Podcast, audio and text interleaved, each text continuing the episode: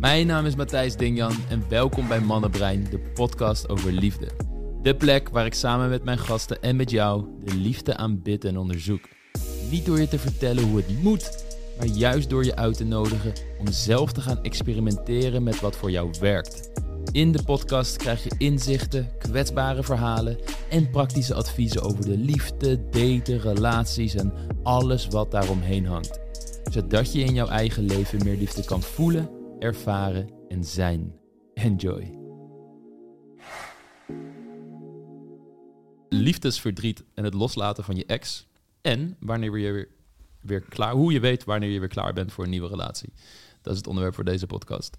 En het leek me mooi om eerst te spreken over wat liefdesverdriet is. Wat het precies inhoudt. Omdat het wordt beschreven in films, in liedjes, in poëzie. En iedereen heeft het, eh, of tenminste de meeste mensen hebben het wel een keer meegemaakt of meerdere malen meegemaakt. En het helpt heel erg om te onderscheiden wat liefdesverdriet is en wat wellicht patronen, trauma's, um, extra pijnen die je met je meedraagt, niet alleen met het verliezen van een ex te maken hebben, maar wellicht ook met andere dingen in jouw leven die getriggerd worden door het verlies van die ex. En, en daar een onderscheid in te maken. En vervolgens te kijken van oké, hoe kun je liefdesverdriet het beste verwerken?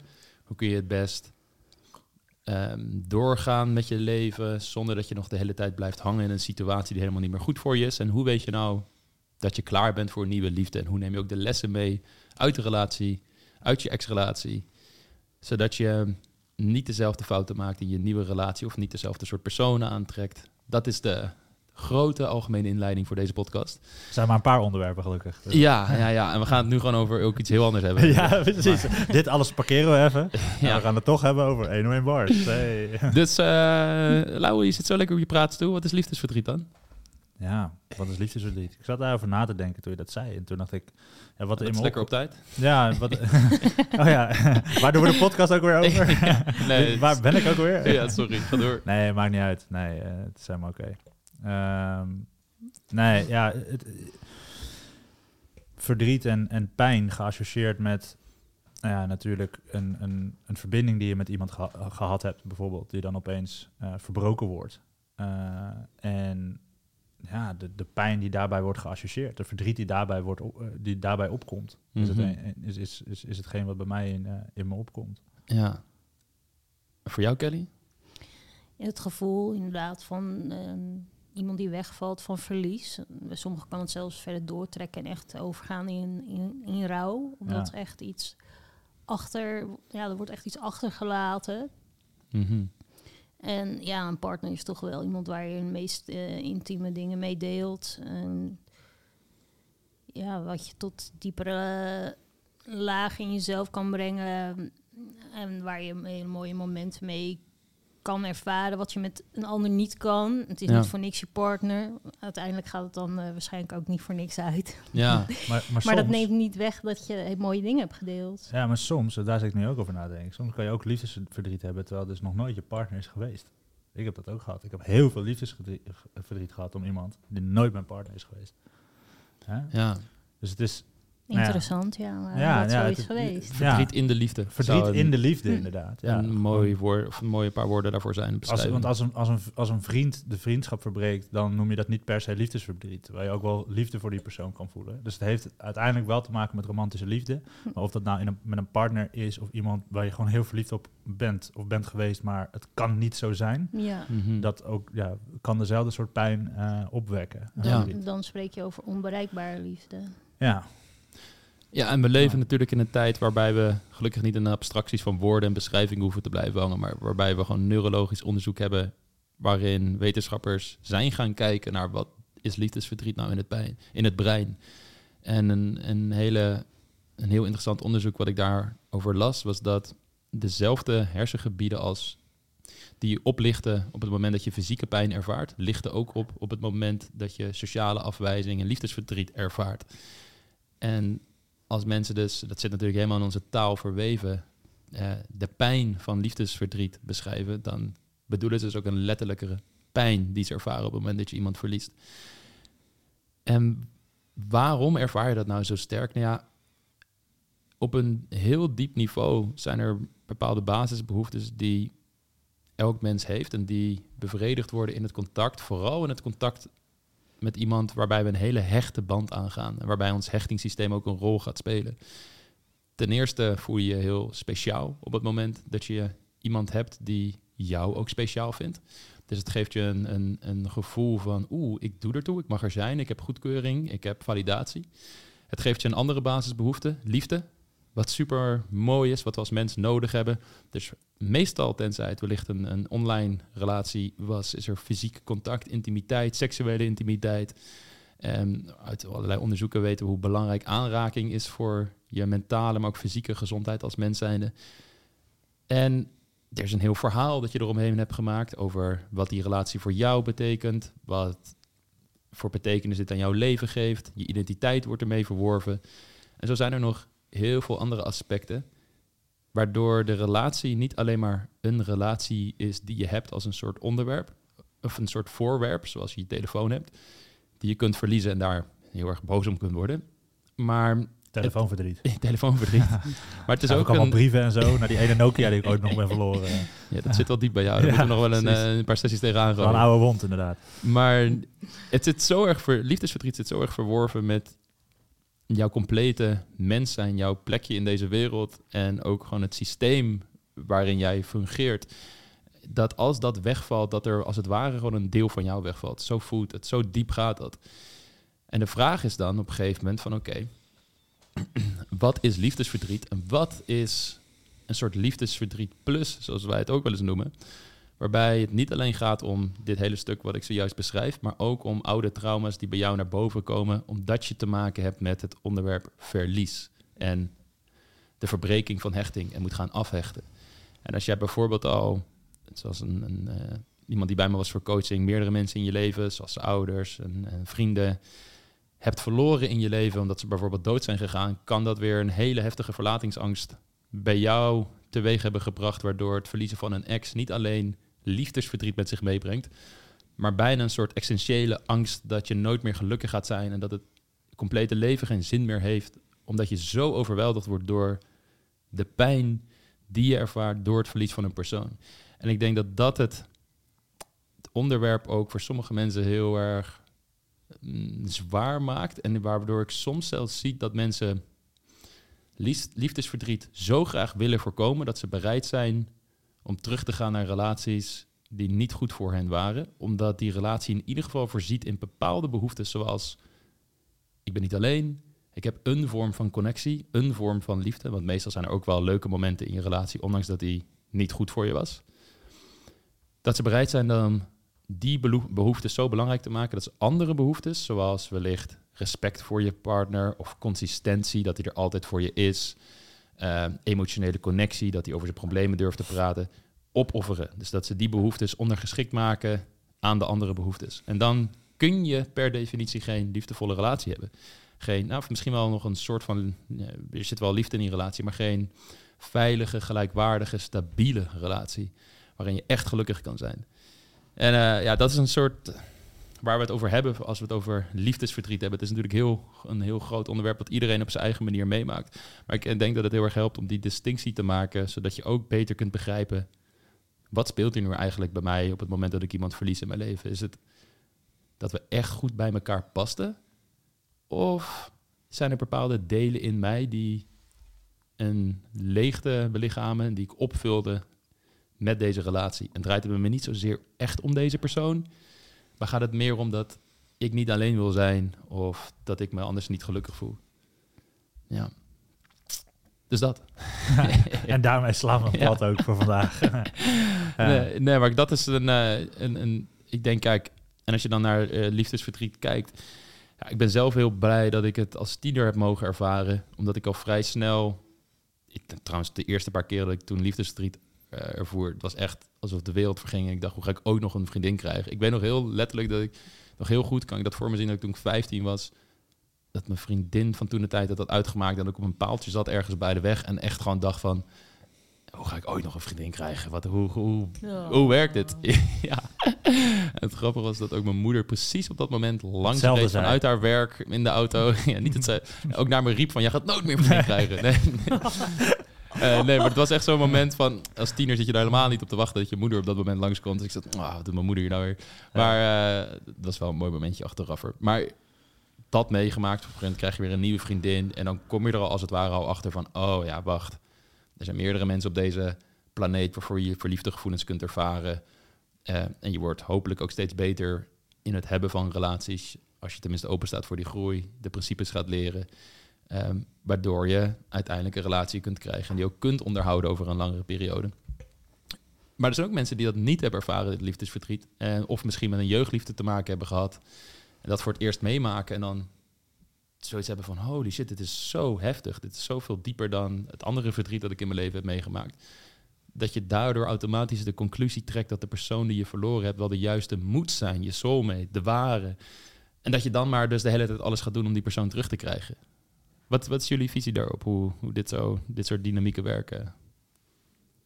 Ik kijk elkaar aan. Ja, Mooi. nou ja, heel, eh, ik, ik, ik zat even zo mee te luisteren en bij mezelf na te gaan van nee, hoe, hoe herken ik dat bij mezelf?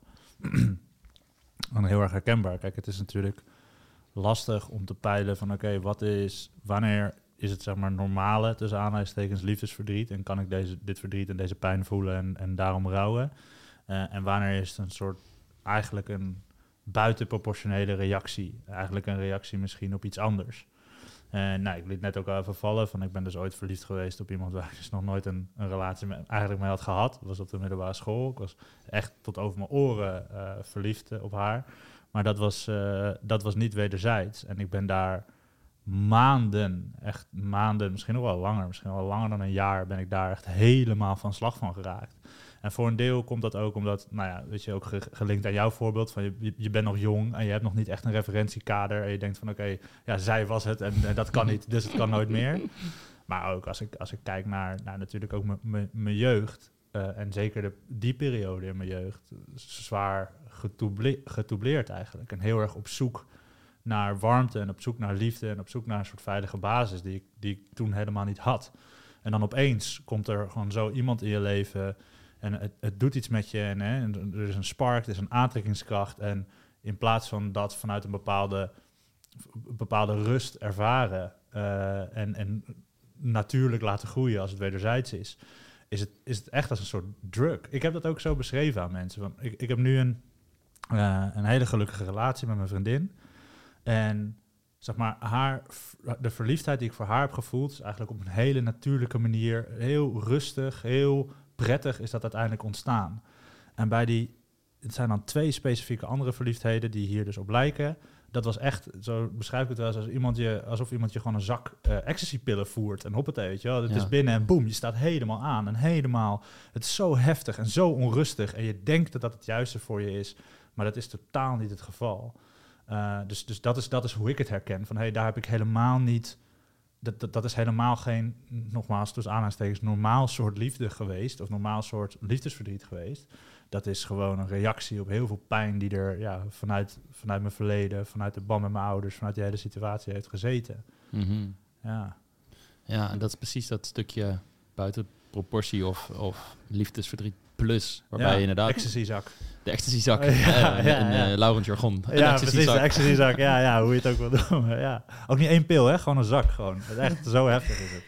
Ja, Ja. ja. maar dat, dat is het. Maar het is ook heel moeilijk om dat echt scherp te krijgen, omdat de gevoelens zo sterk zijn. Dat, weet je, mensen kunnen naar deze podcast luisteren en dit herkennen. Hm. Maar toch teruggaan naar iemand door wie ze... Ja, Ja. ik, ik sprak toevallig twee, dagen geleden nog een, dame die eh, tijdens een groeigesprek... En ehm, zij vertelde mij over haar ex die ze terug wilde. En het was haar nummer één doel in het leven, zei ze, om haar ex terug te krijgen. Wat was dit voor ex? Nou, ze was twee jaar met hem samen. Hij heeft er op de grond geduwd. Hij heeft er één keer gewoon echt bij de keel gepakt en gewurgd. En heeft het meerdere malen uitgemaakt. Gezegd dat andere vrouwen voor hem in de rij staan en zij eigenlijk niet goed genoeg is. En ga zo maar door. En als ik aan haar vraag, de, de typische vraag die je dan stelt van oké, wat, wat als een vriendin van jou, een goede vriendin van jou dit aan jou zou vertellen over haar eigen relatie, wat zou je haar adviseren? Ja, gelijk bij hem weggaan. Wat maakt jou anders dan die vriendin? En dan is het stil en dan is het toch van ja, misschien toch een stuk eigenwaarde of wat dan ook. Van oké, weet je, dat is allemaal rationeel niveau waar je dan zit met iemand. Dus rationeel kon ze prima uitleggen van oh ja, dit klopt niet en ik hoor eigenlijk niet naar hem terug te gaan. En als ik ook aan haar vraag wat zou het beste voor je zijn, ja, waarschijnlijk wel bij hem weggaan. Maar dan toch vijf minuten later krijg je weer de vraag van ja, maar wat kan ik nou doen om hem toch terug te krijgen? En het is zo bizar om te zien, want dit is letterlijk de uitleving van zo'n liefdesverdriet plus en van al die patronen die er zitten. Dat als iemand daar middenin zit en emotioneel overweldigd wordt, dat je rationeel kunt zeggen wat je wilt en ze 100, met 100% helderheid kunt laten zien van hé, hey, wat hier gebeurt is echt niet goed voor je. Maar dat de boodschap niet aankomt, omdat die patronen zo sterk zijn. En uh, ik heb het met jou daar ook al vaak over gehad, Kelly, van iemand moet ook klaar zijn om dat in te zien. Ja, zeker. Want ze, meestal zijn ze zichzelf er ook wel echt bewust van. Het is niet dat ze niet begrijpen dat als je geslagen wordt, bijvoorbeeld, dat het niet goed is. Ja. Die bewustwording is er wel. En ik, ondertussen dat jullie aan het praten waren, heb ik ook nog nagedacht over wat voor mij dan eigenlijk uh, liefdesverdriet plus was. Want dat heb ik ook zeker ervaren. En wij hebben ook wel eens eerder, ja, wij bespreken dit soort onderwerpen natuurlijk continu. En in een supervisiemeeting uh, weet ik ook nog heel goed dat jij uh, zei, Laurens, dat je tijdens familieopstellingen een opstelling had waarbij je je eerste liefde tegenover je, je had. Ja. Zo werd dat opgesteld. En toen zei ik tegen jou van, wow, dan zou ik nu iets, iets geks zeggen. Ik weet niet eens meer of dat eerste, of dat liefde was of angst. En dan spreek je dus echt wel, nu kan ik dat zeggen, toen dacht ik dat het liefde was. Nu, nu kan ik zeggen dat het uh, ja, uit een verkeerde bron kwam. Dus dat het was ook een onbereikbare liefde uiteindelijk. En dat je sprak over verdriet plus, wat eigenlijk laat aangeeft dat uh, je iets mist in jezelf, wat diegene vertegenwoordigt. Een gevoel dat je ervaart, wat je niet erkent. Wat dus de, de dopamine, de, de ecstasy-zak of de drugszak uh, uh, volledig daar is om ja, een nieuw gevoel te kunnen ervaren... wat niet uit een hele gezonde bron komt. En toen ging ik verder denken... En toen kwam ik eigenlijk achter wanneer ik mijn eerste liefde ervaarde. En toen was ik acht jaar, ging ik op vakantie met mijn moeder. Toen nog Joegoslavië, we zaten in de bus. En ben je acht jaar, ja. Dus ja, wat, wat is liefde dan? Hè? Natuurlijk. Uh, maar er zat zo'n leuke jongen bij ons in de bus. En ik weet zijn naam zelfs nog. Hij heet Stefan.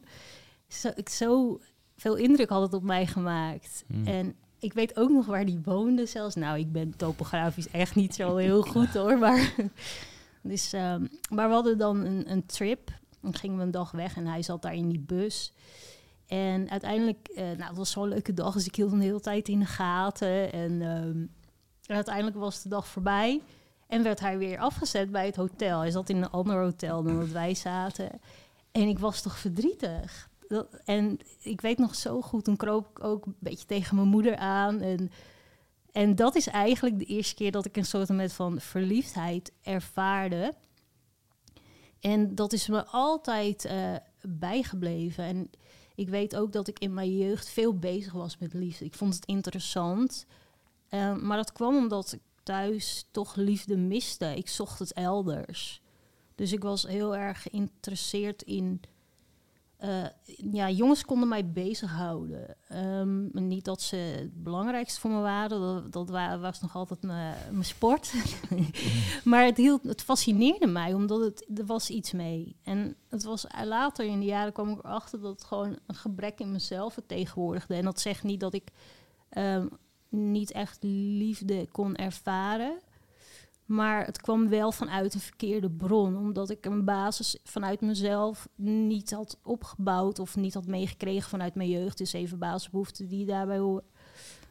En in mijn latere relaties trok dit door. En ik denk zeker, um, nou ja, ik had natuurlijk ook een uh, geactiveerd hechtingssysteem uh, door mijn jeugd. En in mijn eerste relaties was ik ook vermijdend gehecht. Ik heb niet eens van die mannen gehouden. Ik wist niet echt wat houden van was. of zo. Of hoe het eruit hoorde te zien. En, maar ja, het voelde wel... De eerste was dan wel een hoop eh, push and pull, die dynamiek. Dat was heel onstuimig. Dus er waren een hoop emoties en gevoelens. Maar liefde was dat natuurlijk niet. Het was geen gezonde, liefdevolle relatie. Toen dacht ik, dit wil ik niet meer. Dus ik had geleerd daarvan. Toen ging ik naar de volgende relatie en dat was eigenlijk wel heel rustig. Nou, en alles ging lekker. En toen dacht ik, na een aantal jaar, is dit dan hoe een liefdevolle relatie eruit hoort te zien? Ik bedoel, ik heb niet zoveel ruzie. Alles gaat eigenlijk goed. We wonen heerlijk samen. Maar ik voel nog steeds niet die echte liefde. Wat, wat is echte liefde dan ook? Hmm. En zo ben ik verder gaan onderzoeken en ontwikkelen. En elke keer vanuit relaties eh, gaan, gaan leren en observeren. En toch een basis in mezelf ontwikkelen waar ik een, in een gezonde dynamiek ook kan, vanuit een gezonde dynamiek kan gaan hechten. Hmm. En daardoor ervaar ik dus op een gegeven moment dat ik wel begon te hechten. Want ik kwam erachter dat ik, dat ik vermijdend gehecht was. Toen kon ik gaan hechten. Toen werd ik angstig gehecht. En toen begon ik verdriet te ervaren. Dat we, als de relatie uitging. En dat was echt verdriet plus. Ja, want dat gaf me zo'n enorme leegte. Want eindelijk kon ik me geven. eh, durfde ik ook te knuffelen. Dat deed ik voorheen ook niet in mijn relaties. En toen dat dat overging, eh, toen in die periode werd ik ook als waar verlaten. Want ik was ja, klampachtig in de relatie. Ik begon echt te claimen uit angst. Want ja, dat gevoel wilde ik niet meer kwijt. Ik had Ja. eindelijk iets ontdekt. Ja. Dus ik ging eraan vasthouden. Wat juist het tegenovergestelde werkt natuurlijk. Dat, dus ja, dat, dat is niet heel bevorderlijk voor je relatie. Hmm. En toen dat overging, toen ervaarde ik echt verdriet plus. Ja, dat was een enorme klap voor mij. Ja, toen heb ik ook een tijdje echt, zeg maar, afstand genomen van de liefde. Ben ik eerst aan mezelf gaan werken. Dacht ik, ja, dit, eh, dit kan niet zo. Zo wil ik niet meer in een relatie staan. Dus het, het was een hele reis voor mezelf. Heb je toen ook alles aan gedaan om hem terug te krijgen? Ehm, nee. Was je daar heel erg mee bezig überhaupt? Of had je wel Ja. zoiets van, oké. Ja, rationeel wist ik dat het niet goed was, maar emotioneel was ik er lang niet van los. Nee, Dus je bleef hem bijvoorbeeld wel berichten sturen, contacten, hem niet loslaten. Ehm, dat bedoel ik daar dan mee. nee zo, zo sterk was ik dan nog wel. Ik Ah, ja. kon wel echt voor mezelf kiezen, want ik wist gewoon, zo hoort niet te zijn. Right. Dus hij had het misschien niet door dat je er zo erg mee bezig was, maar in jouw wereld Ja. was je daar wel heel veel mee bezig. Ja, Ja. tijdens de relatie had hij wel in de gaten dat Ja. ik er veel mee bezig was. ja, dat, Hmm. eh, ja. Maar voor veel dames is het natuurlijk wel zo dat ze blijven berichten en aandacht blijven vragen. Ja, en, en dat vraag ik me dus af. Wat in jou zorgde ervoor dat je inzag, oké, de oplossing ligt niet in hem terugkrijgen, maar dat ik anders in de liefde ga staan. Ja, eigenlijk omdat ik eh, vanaf jongs af aan al wel heel bewust in het leven stond over persoonlijke ontwikkeling. eh, omdat mijn wereld omheen, eh, dat spiegelde ook naar mij toe. Omdat het dusdanig slecht was, waarin ik dacht, het is allemaal zo slecht. Dit kan niet aan mij liggen, maar er moet wel wat gebeuren, wil ik hierin eh, ja, liefde kunnen ervaren. Ja. En, en durven leven, want dat gebeurde, er was voornamelijk veel angst. Dus ik was eigenlijk altijd heel alert in de wereld, en, maar daardoor wel heel zelfbewust. En ik, op een of andere manier kon ik wel heel dicht bij mezelf blijven. Ook al was er heel veel emotie en was het heel pijnlijk. En ervaarde ik dingen waarvan ik eigenlijk de betekenis nog niet wist. Ik kon wel mezelf dat toelaten en weten dat er een andere weg was. Want dat, ik had het ook gezien, want elke keer ervaarde ik ook weer andere dingen. Dus ik bleef daarin objectief naar de dingen kijken. En Ja. daarom wist ik ook van bij de verdriet plus, ik wist niet van dit is verdriet plus. Ik wist wel, dit is dusdanig diep en ik voel me dusdanig verloren. Wat niet normaal is. Want waarom kunnen andere mensen bijvoorbeeld wel naar hun werk blijven gaan dan? eh, waarom kunnen die wel gewoon eh, de deur uitgaan en nog steeds lachen? Ik kon niks meer. Ik was Hmm. gewoon echt, Ja, echt een shutdown van het Ja, systeem. Van, ja. gewoon op. Dus ja, en, maar ja, daarin kon ik wel even goed nog voor mezelf kiezen en er niet aan vast blijven houden. Maar die verwerking heeft wel heel lang geduurd en het opbouwen daaruit, ja. Hmm. Misschien wel een mooi om door te gaan ook naar als je met liefdesverdriet kampt, hoe je dat kunt verwerken. En stel, want soms is het zo dat je al achter inzichten komt van oké, de relatie werkt niet. We hebben allebei een rugzak die we meenemen. En ik ben wel bereid om eraan te werken, maar misschien mijn partner niet. Of misschien pasten we in het begin heel goed bij elkaar, maar zijn we gewoon uit elkaar gegroeid. Um, wellicht zijn er gewoon heel veel problemen bij je partner. En moet je echt voor jezelf kiezen en het daardoor uitmaken. Uh, wellicht hebben jullie allebei dus heel veel problemen. Maakt je partner het uit. Uh, zoals in het voorbeeld wat ik beschreef van de dame die zelfs geburgd was door haar partner. Als je in ieder geval in de situatie zit dat je weet, ik moet door. En ik moet deze relatie achter me laten. Er zijn een soort hele praktische stappen die we mensen gelijk kunnen meegeven, die ze kunnen ondernemen. Wat zouden de eerste dingen zijn die jullie daarin in aanraden? Ik zou vooral denken van, zeg maar, ik, ik moet door is in ieder geval de goede mindset, de, de blik op vooruit, maar ook zeker als het net is gebeurd, als eerst ook de vertraging juist even opzoeken en even ruimte geven aan alles wat er op dat moment is. Wat betekent vertraging opzoeken voor de mensen die dat niet kennen? Ja, dat, dat betekent dat je dus eigenlijk hè, naar, naar het gevoel ook gaat. Dus echt gaat voelen bij jezelf van oké, wat zit er nu, wat voor verdriet komt er nu bij mij omhoog? En daar dus ook echt, echt de ruimte aan geeft. Dus jezelf ook de ruimte geeft om te huilen, om die pijn ook te ervaren. Zeker als het echt net is gebeurd, dat is natuurlijk ook ontzettend pijnlijk. Ja. Ehm, en dat kan, dat kan betekenen in sommige gevallen dat het ook echt even nodig is om echt die, die huilbui te hebben, lang te huilen, veel, ja, gewoon dat er veel moet stromen, om het zo maar te zeggen. Maar in de vertraging dingen doorvoelen gaat eigenlijk ook heel erg bewust. Dus je bent ook heel bewust, ben je daar eigenlijk mee bezig, aan het letterlijk ervoor aan het kiezen om er niet van weg te lopen, om het niet gelijk te willen verklaren of op te willen lossen of door te gaan naar het volgende. Maar als eerst eigenlijk heel bewust te voelen van, nou, ik zit nu in een periode van pijn en verdriet en dat mag er nu ook even zijn. Dat mag er nu, dat, dat als eerst omdat als je dat niet doet, en ik ben daar een ervaringsdeskundige in, uh, dat was bij die andere ecstasy-zakverliefdheid. Daarin heb ik gelijk gezegd van, dat heeft mij zoveel pijn gedaan, dat ik gelijk die knop om van, oké, weet je wat, uh, bij romantische relaties heb ik ook helemaal niet nodig, joh. Ik ga gewoon lekker verder, lekker single leven. Dat vond ik daarvoor ook leuk en dat ga ik nu verder doen. En, en dat heb ik gedaan. En die zomer ook ben ik met vrienden naar Hongarije gegaan, zijn we uit geweest. op een gegeven moment tijdens het uitgaan, ik voelde me op een gegeven moment ja, niet, meer, ja, niet meer zo goed. Ik voelde me een beetje sippig, een beetje somber. Uh, ik was gewoon zelf alvast naar het hotel gegaan. Mijn vrienden die bleven daar nog even. En ik heb daar echt als een baby gewoon staan janken. Gewoon in, in mijn hotelkamer. Gewoon het, het, het, het, het hield niet op. Gewoon omdat er zoveel verdriet opeens uitkwam. Waar ik helemaal niet naar heb geluisterd op het moment dat het toen eigenlijk net ja, uitging, zou ik maar even zeggen. Um, dus, dus die, ruimte, die ruimte geven is nodig uiteindelijk ook voor de verwerking. Uh, nou, en dat betekent niet van oké, dus ik moet alleen maar gaan zitten en alleen maar de hele dag gaan huilen of zo. Weet je, nou, weet je, als je dat aan het begin nodig hebt, prima. Maar inderdaad, op een gegeven moment wil je ook gaan kijken van oké, wat heb ik nu nodig? Of hoe kan ik nu, hoe kan ik nu stappen zetten die mij verder helpen?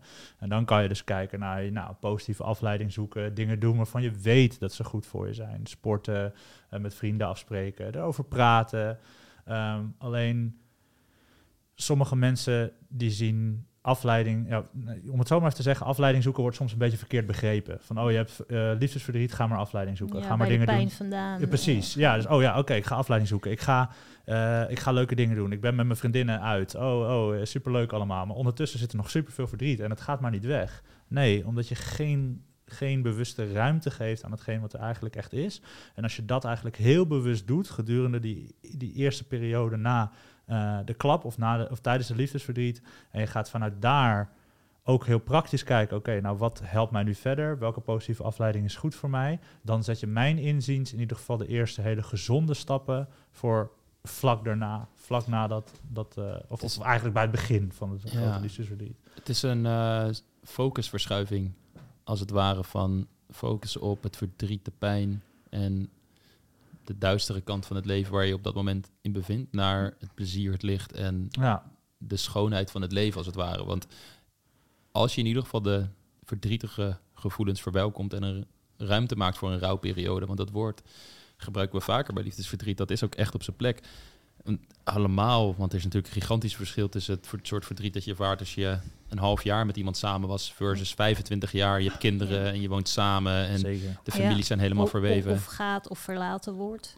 Ja, ja 100%. Dus weet je, er zijn ook nog heel veel nuances daarin aan te brengen. Maar vooral wanneer het gewoon echt, echt wel een heftige, pijnlijke situatie is, dan zie je het echt als een rouwperiode. Juist ook Omdat er dus een stuk van je identiteit, gedeelde herinneringen die je alleen met die persoon had, bepaalde humor, bepaalde dingen waar je elkaar in hebt gesteund om een moeilijke periode doorheen te komen. Dus er zijn zoveel dingen die je ook verliest, die niks, die niet alleen de belichaming van die persoon eh, zijn, maar gewoon al die mentale stukken die in je hoofd rondzweven, die je alleen met die persoon hebt gedeeld. Ja. En dat is, een rouwperiode is daar echt op zijn plek. En eh, de ruimte eraan geven, vertragen, het verdriet doorvoelen, vervolgens ook focussen op, hey, maar er is meer dan alleen dit verdriet. Er is meer dan alleen die menselijke kant. Er is ook de schoonheid van het leven en het licht. En mezelf nog steeds toestaan omdat ik een waardevol persoon ben en dat bij het leven hoort, om ook die leuke dingen weer op te zoeken. Want dat is ook mij. En er zijn meerdere stukken die ik me op dit moment kan ervaren. Ik denk dat dat Ja, heel mooi is. het is een ja. combinatie van die twee. Ja, het, het is eh, eigenlijk, zoals we dat noemen dan in schematherapie ook, de gezonde volwassene die daar eh, de bol verdeelt als het ware. Je wil niet bij de pijn eh, vandaan rennen, maar je wil er ook niet in verzuipen. Ja. En dan op het moment dat je merkt dat je wordt gezogen in het, in het gevoel dat dat je vasthoudt, dan kan je dus wel echt spreken over verdriet plus. Want dan kan je rationeel, kan je er niet meer genoeg bij zijn om jezelf te kunnen begeleiden daarin. En dan heb je werk aan de winkel, want daar wil je dan ondersteuning in gaan vinden. Zodat je ook kunt gaan kijken van, hey, dit gebeurt nu met mij, dit voel ik. Er valt iemand weg die mij dierbaar is. Er valt ook een vriendschap weg. Ehm, wie ben ik nu zelf en hoe ga ik met dit verdriet om? Wat heb ik daarvoor nodig? Eh, de een heeft er langer voor nodig dan de ander. Het maakt niet uit. Dat is ieder voor zich. Maar eerst inderdaad acceptatie. En dan over na gaan denken. Hoe ga ik dit verder aanpakken? En misschien komen de antwoorden niet gelijk. Heeft dat even tijd nodig.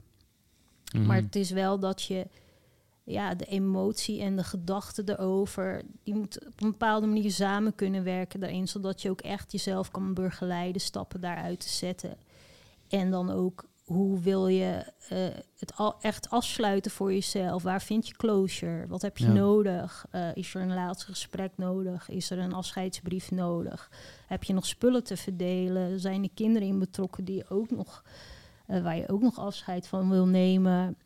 Mhm. Dat zijn natuurlijk eh, allemaal de praktische dingen. Nou ja, kinderen niet, maar zoals spullen, wat, er, wat erbij komt kijken. Waar, ja, ja, sommigen houden dan juist aan die spullen vast, zodat er nog een keer een moment komt om weer iemand te zien. Hè. Wees ook eerlijk naar jezelf van, hoe wil, wil ik gelijk dit afsluiten? Wil ik iemand ook gelijk van social media verwijderen? Alle banden verbreken? Hoe ga ik dit doen? Waar voel ik me prettig bij? Waar zitten de triggers in mijn huis? Eh, foto's van ons? Hoe ga ik daarmee om?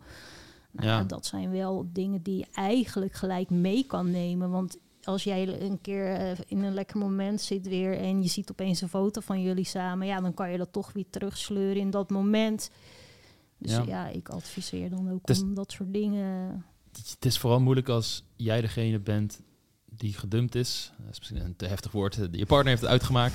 Mm. En, Gedumpt. dat Ja, gewoon is. gedist. Ja, Left for dead. Ja. En je partner die heeft zoiets van... ja, maar ik geef wel om je, dus ik wil eh, wel nog in contact met je blijven... of vrienden blijven. En als jij bij jezelf merkt van... ja, maar dat kan ik helemaal niet. Dan is het heel belangrijk en om, zoals we de metafoor van de laptop wel eens gebruiken...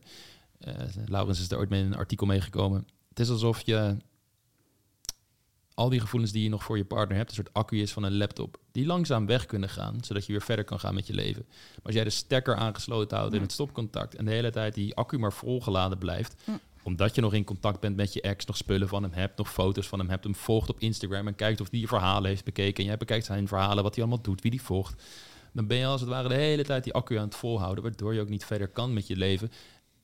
En als we heel eerlijk zijn, jezelf ongelukkig houdt. En waar het vooral om gaat, is verantwoordelijkheid nemen over je leven op dat moment.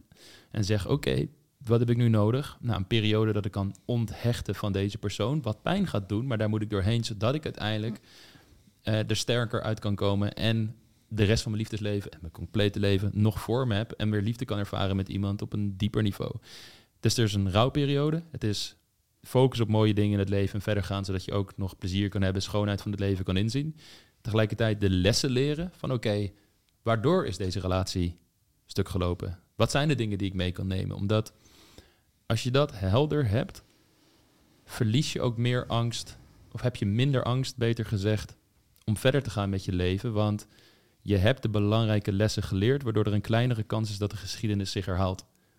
Want de ezel stoot zich niet drie keer, twee keer aan dezelfde twee keer aan dezelfde, drie keer aan dezelfde steen. Maar Ik heb een ezel nog nooit zijn zien. Ik- zien- ik ook niet. Hij heeft ook geen tenen. Nee. Nou, dat is een sterke metafoor die ik nu gebruik. Ja. Maar eh gezegde, hier ook nog eens. Maar daardoor heb je minder angst, omdat je zoiets hebt van oké, ik heb hiervan geleerd, daardoor een, een sterkere relatieblauwdruk ontwikkeld. Dus als ik nu een nieuwe relatie aanga, is er een grotere kans dat het slaagt. En waarschijnlijk ga ik zelfs nog veel meer liefde ervaren, Juist. omdat ik als nieuw persoon in zo'n relatie ga stappen. Ja. En dat is echt proactief met het verdriet omgaan. Ja. En, Een bela- eh, belangrijke toevoeging die me te binnen schiet eh, hierbij is dat dit geldt voor mensen die natuurlijk gedumpt zijn, maar even goed voor mensen die verlaten zijn. ver- verlaten. Oh ja, komt hij weer left for dead. Sorry, rewind. Mensen die verlaten zijn. Eh, maar even goed voor mensen die anderen dumpen. Nee, ik bedoel, maar, maar even, even, goed, voor- nee, even goed voor mensen die eh, de beslissing moeten maken om een relatie uit te, uit te maken. Want Ja. ook, ook dat eh, weet ik ook uit ervaring. Ja, kan ontzettend veel liefdesverdriet Ja. met zich meebrengen. En dan is het ook nog eens een keer dat er een, een, een soort ja, gek soort geschreven verhouding in staat. Want jij mag niet de verdrietige zijn, want jij bent degene die het hebt uitgemaakt. Die ander die heeft pas echt pijn. Terwijl hoe moeilijk is het Mm. om zo'n beslissing te maken? Om iemand waarvan je waarschijnlijk heel erg veel houdt, pijn te moeten doen. Maar uiteindelijk ook voor, om, omdat je ook het beste wil voor die persoon. En het is blijkbaar Ja. dus niet het beste om daarbij te blijven. Dus al dit, eh, deze dingen die we zeggen is voor die partij net zo belangrijk. En ik denk dat het ook, ik, ja, ik denk dat het ook, ook mooi zou zijn om daar mensen die meeluisteren ook, ook, ook een soort bewustwording van mee te geven. Van hey, dus als je bijvoorbeeld ook verlaten bent door iemand, waarschijnlijk is het voor die persoon ook gewoon een hele moeilijke beslissing geweest. Mhm. Zeker. En stel, ja, daar kan ik aan toevoegen, stel die gesprekken ook niet uit als je voelt dat je, ja, dat je niet gelukkig bent in een relatie. Probeer dat op tijd te onderscheppen. En als je dan hebt geprobeerd eraan te werken, meestal is het niet heel onbekend dat de ander niet gelukkig is. Maar ga, ga niet langer door. En ehm, ik heb zelf ook een keer dat gesprek moeten voeren en die persoon pijn moeten doen daarmee. Dat ik ben er nog kapot van, Kel. Nee, Dat is ongelooflijk. ja. daar we niet over hebben, weet je. Dat ik hier aan tafel vond het zoveel pijn in te houden. Ja. ja, ik, ik weet nog dat ik, dat ik dat moest vertellen. En dat was dus in de relatie waarin ik eigenlijk vermijdend gerecht was. Maar uit respect voor die persoon heb ik wel ehm, mijn best daar echt voor gedaan. eh, aan mez- m- mezelf proberen te leren kennen wat ik nou wilde in die relatie. En toen kwam het besef van, oké, dit is het nu. Ik heb hier vijf jaar aan gewerkt. Na vijf jaar ben ik in dit stadium. Het gaat niet beter worden. Het gaat niet veranderen. Dus nu wordt het tijd eh, om de knoop door te hakken. En ik vergeet nooit meer hoe ik iemand toen zijn hart heb zien breken. Dat vond ik echt zo ontzettend verschrikkelijk. Ik heb daar zo hard om gehuild daarna. Om mezelf heb ik geen traan gelaten toen. Maar wel om wat ik die persoon moest aandoen. Maar ik was wel blij dat ik het netjes heb kunnen doen en met respect heb kunnen doen. En opgelucht dat ik ja, toch koos voor een beter leven voor die persoon en voor mezelf. Mm. En ja, hoe hard het was, eh, het is allemaal goed gekomen. inderdaad. ja. Ja, en on- om om te gaan met die pijn, ik denk dat voor beide kanten het heel mooi kan zijn om symbolische rituelen te gebruiken, ook om een verdriet te verwerken. En het kan inderdaad een afscheidsbrief zijn, die je wel of niet verstuurt. Soms is dat niet eens belangrijk, soms verbrand je hem gewoon als, als het ware. Ehm, het kan zijn dat je bijvoorbeeld nog naar een bepaalde plek gaat waar jullie samen zijn geweest, ehm, maar daar een goede vriendin mee naartoe neemt, of daar misschien zelf afstand, afscheid van gaat nemen. Ehm, weet je, dat soort dingen. We hebben natuurlijk symbolen voor heel veel belangrijke ervaringen in Ja. ons leven. Denk aan trouwen, denk aan een begrafenis en de rituelen en gewoontes die daar omheen hangen Ja. voor liefdesverdriet hebben we niet per se zoiets waar wat een soort standaard practice is waar mensen zich aan kunnen vasthouden. Ja. Maar dat voor jezelf integreren in je leven van wat is voor mij prettig, wat zou voor mij heel goed hierin in werken, is, is denk ik een hele mooie. En het kan ook zijn, weet je wel, wandelen in de, natuur naar een favoriete plek gaan en, en daar een dankbaarheidsoefening doen voor alle schoonheid die je nog in je leven hebt. Of je die persoon bedanken voor de tijden die je hebt gehad samen. Ehm, dat, dat zijn hele mooie manieren om met je verdriet om te gaan die gigantisch krachtig kunnen zijn. Zeker, anders worden het een soort met van landmijnen als je dan daar weer komt, zeg maar. Dan... Specifiek de plekken waar je samen met je ex bent geweest, ja. ja. ja. En dan ga je het vermijden, maakt het probleem nog groter, het gevoel nog heftiger, blijf je erbij vandaan. En je kan het inderdaad beter wel opzoeken. Misschien heb je daar even tijd voor nodig. Hoeft allemaal niet tegelijk, nee. Ja. Nee, ja, En dan daar een mooie herinnering aan te geven, een nieuwe mooie herinnering. Ja. En een ander advies wat we vaak meegeven is, je hebt natuurlijk afleiding, maar wat nog sterker kan werken is dat je een nieuwe kant van jezelf gaat ontwikkelen.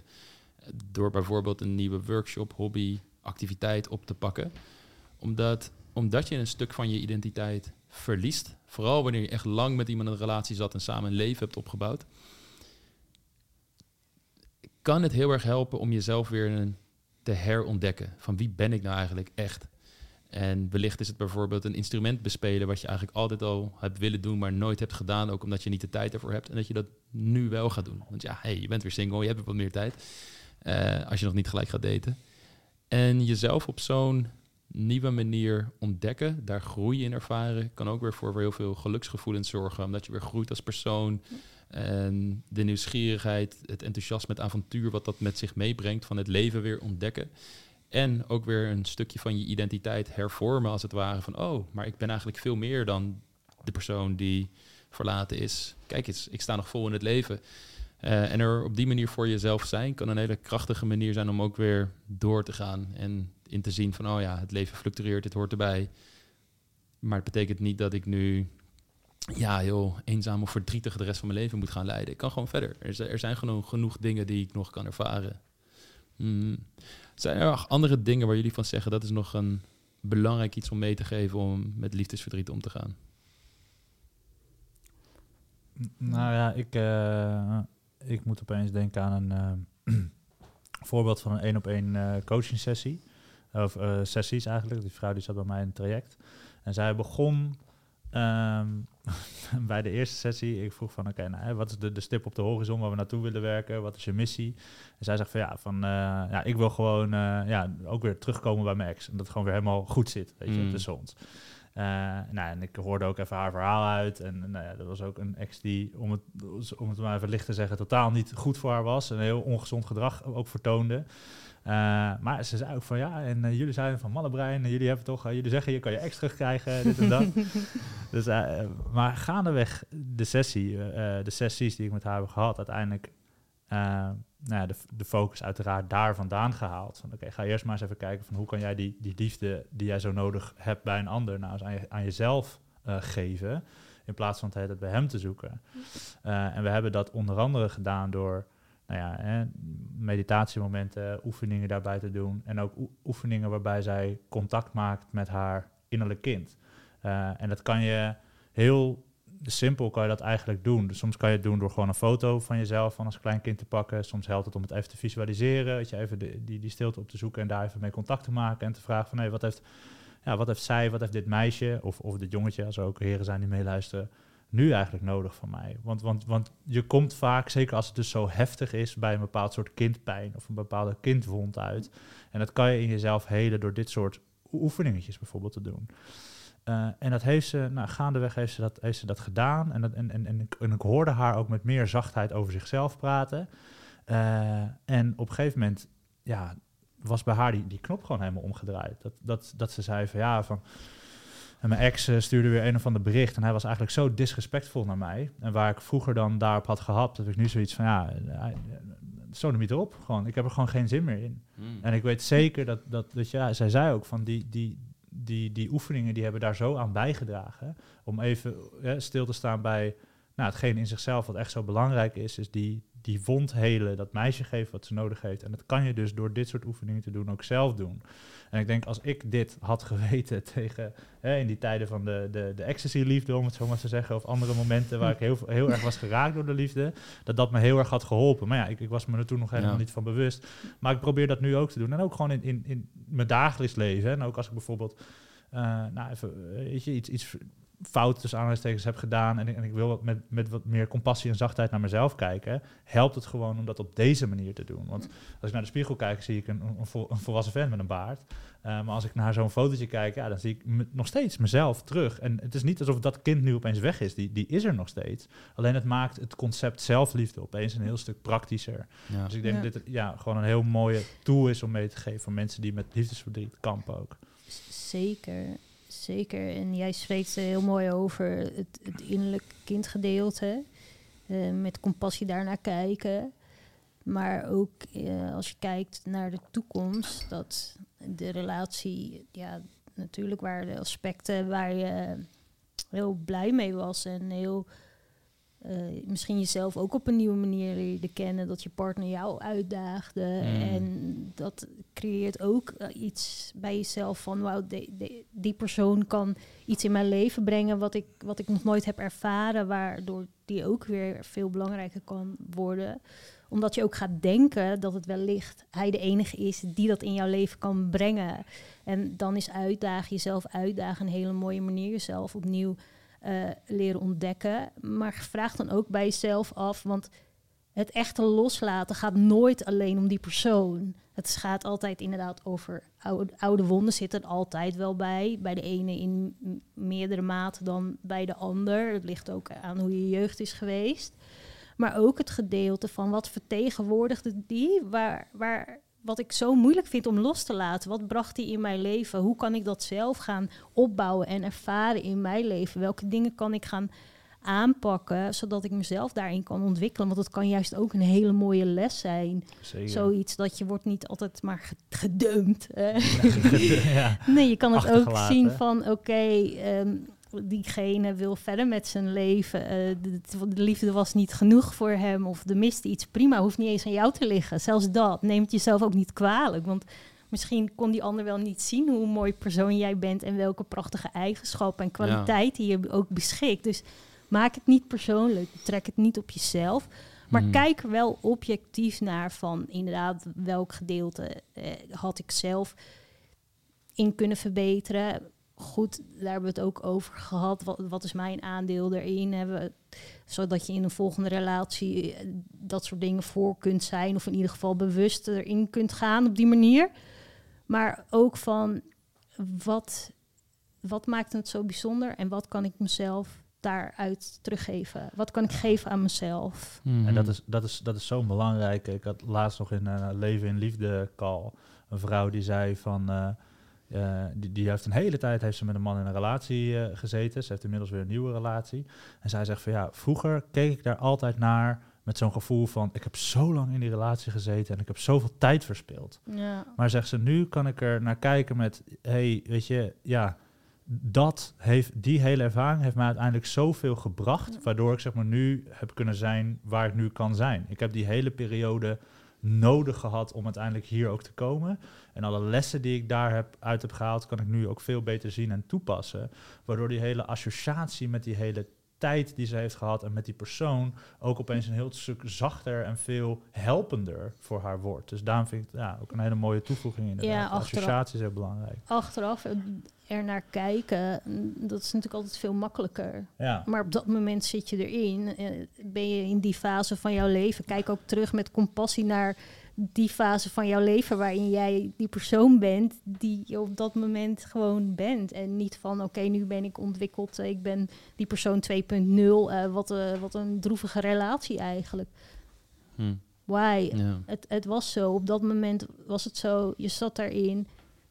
Neem de lessen en enjoy your life. Ik vind het een interessant punt ook wat je zegt van het ligt niet altijd aan jou. En ja, ik ben nu bijna zeven jaar samen met mijn vriendin. Zeven jaar officieel, want we kennen elkaar wel zeven jaar.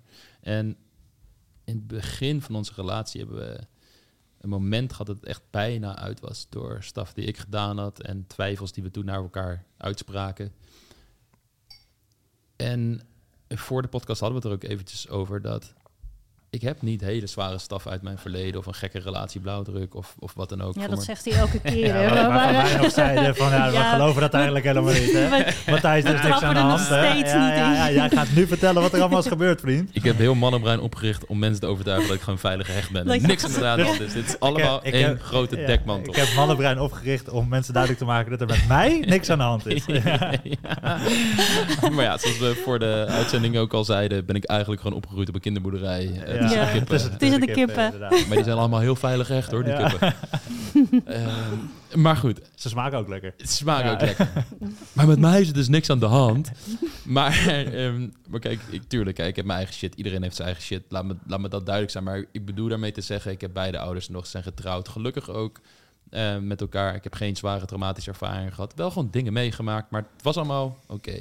Dus liefdesverdriet plus veel ten opzichte van sommige mensen die bij ons komen. En ook als ik naar jullie verhaal soms luister, dat is gewoon, daar is meer gebeurd in de jeugd. Eh, ook als je als objectieve waarnemer daarnaar kijkt, kun je dat gewoon zeg maar vaststellen. Maar nog steeds eh, moet je heel veel leren in de liefde om een goede relatie te kunnen onderhouden. En valt er gewoon heel veel te groeien, omdat je niet alles van je ouders meekrijgt en je ook zelf veel moet ontdekken en in je relatie moet groeien. En als ik dan naar mijn relatie met mijn vriendin kijk, zie ik dus dat ik alsnog bepaalde denkbeelden had, overtuigingen had die me niet dienden, die me de echte liefde in de weg stonden. En wij zijn daar uiteindelijk doorheen gekomen. Ik- maar dat had ook anders kunnen aflopen. Ik, ben, ik heb niet de illusie dat, ehm, dat het zo had moeten zijn of wat dan ook. Het is meer van, we hebben daar echt samen aan gewerkt. En ik was bereid ook om naar mezelf te kijken. Eh, verschillende dingen gedaan. eh, van, van coaching sessies tot ayahuasca sessies. Gewoon echt om te onderzoeken van eh, ja, wie ben ik, wat wil ik, waar komen bepaalde dingen vandaan. Heel erg op zo'n tocht gegaan. Heel veel dingen geprobeerd. Maar vooral ook heel veel informatie opgedaan. En als je toch, en dit is, maakt het denk ik ook het, het moeilijke, dat er soms is wel, want, want er was overduidelijk heel veel liefde tussen mij en mijn vriendin. En het was overduidelijk dat er heel veel gewoon ook heel goed zat.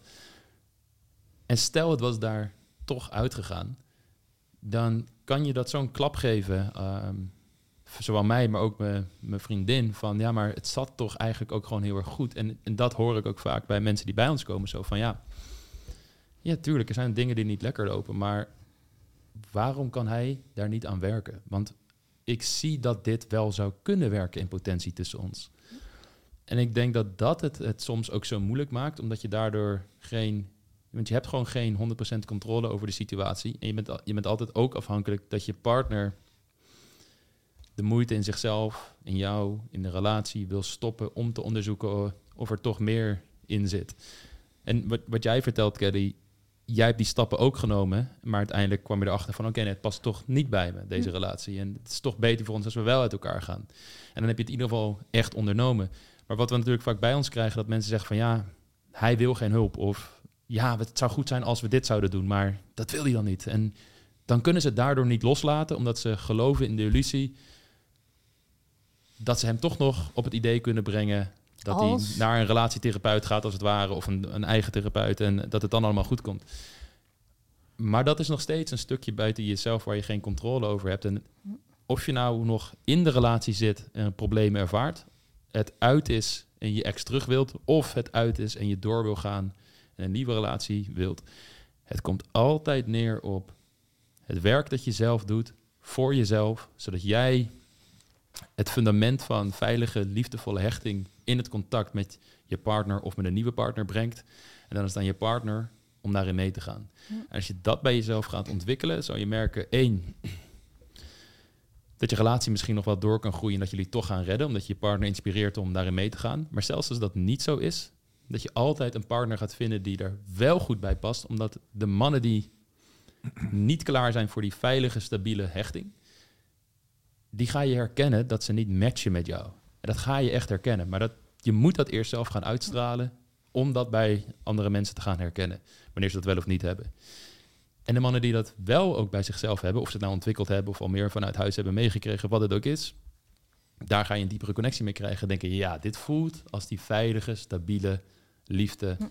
ehm, waarin ik echt kan gedijen, mezelf helemaal kan zijn en wat kan werken op de lange termijn. Maar het komt altijd neer op dat innerlijke werk wat je zelf moet verrichten. En zodra je de focus blijft leggen bij je partner, ga je er nooit komen. Nee, nee, en als toevoeging daarop dat wij heel veel dames coachen die vinden dat hun aandeel in de breuk zo groot was. Ik was niet goed genoeg. Ik heb het niet Mm. goed genoeg gedaan. Ik heb eh, verkeerd gereageerd. Ik ben niet liefdevol genoeg geweest. Ik heb hem niet genoeg verzorgd. Dat soort inzichten die Mm. er dan zitten, of gedachten of overtuigingen. En dan gaan ze nog meer werken. En die man gaat nog minder doen. En hun blijven maar werken. En dat is, ze verwachten totaal niet iets terug of zo. Ja, eh, dat hij blijft. Dat is eigenlijk het enige wat belangrijk is. Maar daarin merk je toch dat er echt een gebrek zit aan eigenwaarde en zelfliefde. En gelijkwaardigheid die je daarin dan ook kunt erkennen. Want eigenlijk ja, is het niet zo heel erg lastig om je te realiseren dat jij meer werk erin steekt en dat de partner niet committed lijkt of minder moeite daarvoor doet. En als jij de enige bent die eraan het, eh, de- de enige bent die liefde als een werkwoord ziet en de ander niet, Ja. dan is er iets niet goed in je relatie. Maar dan kunnen ze vaak niet de stap nemen om daar ja, gewoon ook uit te stappen, omdat ze voelen in zichzelf of denken dat ze het niet goed hebben gedaan. En pas dat diegene van ze gaat houden als ze wel dit doen of wel dat, of dat hij dan wel committed raakt. Dus ze gaan steeds meer werken. Dus op een gegeven moment is het ook gewoon klaar om te werken en je koffer te pakken en te gaan. Want er zijn twee mensen voor een relatie nodig. En dat is wat ik Ja. zo vaak probeer uit te leggen en duidelijk te maken. En maar ja, dat gevoel daarbij, dat dat die eh, gedachte of die stap ondersteunt om ook voor zichzelf te kiezen, dat is gewoon opbouwen bij mensen. En dat heeft tijd nodig. Ja. Ik kan me voorstellen, ook aan de hand van wat jij nu zegt, als iemand mij dit hoort zeggen, ja, je, wat voor situatie ook zit, het draait om het innerlijke werk. Dat je dan automatisch een schuldgevoel kunt krijgen van, oh, dus ik had dat innerlijke werk moeten doen en dan hadden we een grotere kans gehad dat het misschien toch nog zou werken. En besef je altijd dat het nooit draait om schuld of Nee. eh, harde termen als jij hebt bepaalde fouten gemaakt en daardoor heb jij niet goed gehandeld. Want door op die manier naar te kijken ga je jezelf niet, niet, niet verder brengen. Het is best oké om te zeggen van oké, ik heb dingen niet goed aangepakt. Misschien heb ik ook wel daadwerkelijk een fout gemaakt. Heb ik iets gedaan wat gewoon echt not done was. Hm. Maar wat kan ik doen? Als, nou, het enige wat ik kan doen is verantwoordelijkheid daarover pakken, de lessen meenemen, zorgen dat dit mij de versie 2.0 gaat maken. Eh, en als, zolang ik dat doe, en daar heb je 100% controle over, dan zie je vanzelf wel of die ex-partner of huidige partner daarin mee kan en dat de relatie kan, alsnog kan werken of niet. Maar dat is niet erg als het niet werkt, want je Jouw het- reis gaat verder. Juist, jouw reis gaat verder. En Je, je gaat iemand anders ontmoeten die die 2.0 versie van jou voorgeschoteld krijgt. En de versie die geleerd heeft van haar of zijn fouten uit het verleden. Ehm, waardoor je een nieuwe prachtige relatie kunt laten ontstaan. En ik denk dat, en dan komen we gelijk ook bij het onderdeel van wanneer ben je dan klaar voor zo'n nieuwe relatie? Nou ja, als je echt merkt van oké, ik zit lekker in mijn vel, ik heb mijn ex losgelaten, ik, kan, ik, ik geniet gewoon echt van het leven, ik ben blij met mezelf. Ik kan het oprecht, als ik gewoon mezelf in de spiegel zie, tegen mezelf zeggen van hé, ik, ik voel echt liefde voor mezelf, het leven, mensen om me heen, het ecosysteem waarin, waarin ik fungeer, dat is voedzaam. Ik geniet van mijn leven. Ga lekker voor, ga dan weer daten. En dat betekent niet dat zodra je dan weer gaat daten, dat je nergens last van hebt en dat je een soort van Verlicht eh, en af bent en verlicht en verlost bent. Want op het moment dat je weer gaat hechten en je echt weer gaat hechten aan een persoon, kan er alsnog wat oude shit naar boven komen. Ja. Die alleen naar boven kan komen op het moment dat je gaat hechten. Maar je bent in ieder geval goed voorbereid. En waar het vooral om draait, is dat je die hele mindset meeneemt van hé, hey, er kan bepaalde shit omhoog komen. Maar ik heb door met dat liefdesverdriet op een hele gezonde manier om te gaan, geleerd hoe ik ook met die nieuwe triggers om kan gaan. En welke hulpbronnen ik kan inschakelen en welke principes ik kan toepassen. En daar, daar gaat het vooral om. Dat je een, een, een modus van in de wereld staan ontwikkelt. Die ervoor gaat zorgen dat je uitdagingen kunt overwinnen. Is dat een punt? Ja, ik vind het... eh, We zijn er stil mooi. van. Ja, ik... eh, We zijn ook een uurtje onderweg, zie ik. Dus, eh, is er nog iets wat jullie echt wat brandt op jullie lippen, wat jullie nog, wat nog nou, toe willen voegen aan, aan deze podcast? Nou ja, gebaseerd op het laatste wat je vertelde van wanneer ben je er klaar voor. Ik denk dat het ook een hele mooie is om inderdaad bij jezelf ook te gaan voelen van oké, wanneer wordt een partner voor mij een hele mooie, waardevolle toevoeging voor mijn leven en niet een noodzaak voor mijn leven. En ik denk als, het, als, je, als je het kan zien in van hé, van ik, ik, ik kan zelf een heel erg gelukkig leven leiden. En natuurlijk lijkt me super mooi en fijn om dat met iemand te delen. En dat, dat zou ik leuk vinden, daar streef ik naar. Dat is echt dat is alleen maar hartstikke mooi. Maar dat is een heel, een heel verschil met die onrust die erbij zit van die noodzaak van ik heb iemand nodig en iemand moet mij gelukkig gaan maken. En, en, en ik wil weer naar de volgende persoon die dingen in mij gaat, gaat, gaat fixen of gaat helen. En vaak denk je dat niet heel bewust zo, maar heel onbewust. Ik denk dat dat ook een hele mooie graadmeter is en daarin ook eerlijk zijn bij jezelf. Van wanneer zit je op welke plek en vanuit welke plek ga je dan ook weer verder. Hmm. Ja. Dat is nog wat eh, bij mij eh, te binnen schoot. Ja. Ik wil vragen waar vandaan het dan naar binnen schoot, maar dat, eh, ja, ik weet niet. Dat ga ik gewoon laten. dat, dat, Kel, dat, heb jij nog... komt, dat komt dan tot me of zo. Hè? Ja, het komt tot jou. Ja, Mooi. ja. Ik kan er nog aan toevoegen dat er geen tijd voor staat. Ehm, voor, het ook ligt ook mooi, ja. helemaal aan hoe je uit elkaar bent gegaan. Ja. Misschien ben je al uit elkaar gegroeid. Eh, hoe intens is het gegaan? Eh, inderdaad, eh, ben je verlaten of heb je iemand verlaten? Ehm, daarin, kijk, als jij langzaam met elkaar groeit, dan zal je wellicht eerder klaar zijn om weer opnieuw iets aan te gaan me- met een andere persoon. Dan dat je nog moet helen vanuit het gevoel dat je verlaten bent. Sowieso is dat zwaarder. Dus observeer vooral daarin waar we het eigenlijk gedurende de podcast ook over hebben gehad. Wees objectief daarna, eh, ga verwerken. Maar ook de gezonde volwassene die daarin oordeelt van of beoordeelt van eh, verwerken, maar ook weer inpakken, eh, afleiding zoeken. Als je zo erin kan staan en je kan dan, dan kan je ook inschatten wanneer je er klaar voor bent. Want dan ben je in contact met jezelf. En dan kan dat zijn misschien met twee maanden, of het kan zijn na een half jaar of een jaar. Maar op je moment dat jij realiseert van inderdaad, het gaat lekker met mij. Nou, ik zal wel weer toe zijn aan eh, om, om mannen of vrouwen voor de mannelijke luisteraars te ontmoeten. Ja, stel je dan daarvoor open. En op het moment als jij op een datingsite eh, gaat kijken en je zit nog met tranen in je ogen van je ex, dan ben je er niet klaar voor. Dus de- Jankend stop. op die dating Ja, oh nee, Ja. nee. Hè, dan, eh, dan, dan ben je er niet klaar voor. Hmm. Want dat gebeurt natuurlijk ook. En dames denken, ja, ik moet verder. Dus ik ga op een datingsite of zo. Of ik ga uit, want dan ontmoeten mannen. En dan Ja, ja. weer teleurgesteld omdat die ex niet te vinden is Mm. op, die, op die datingsite. Of dat Ja. het toch niet zo gelukt was in de kroeg. Dus dan wordt het verdriet eigenlijk alleen maar erger en bevestigd. Want dat was niet die persoon. Nee. Nee, nou ja, dan ben je niet klaar. Dus Ja. wees ook gewoon objectief. En ja, ik denk, when als de tijd ervoor is, dan, dan voel je dat. Ja. Mooi, Ja. dat was hem.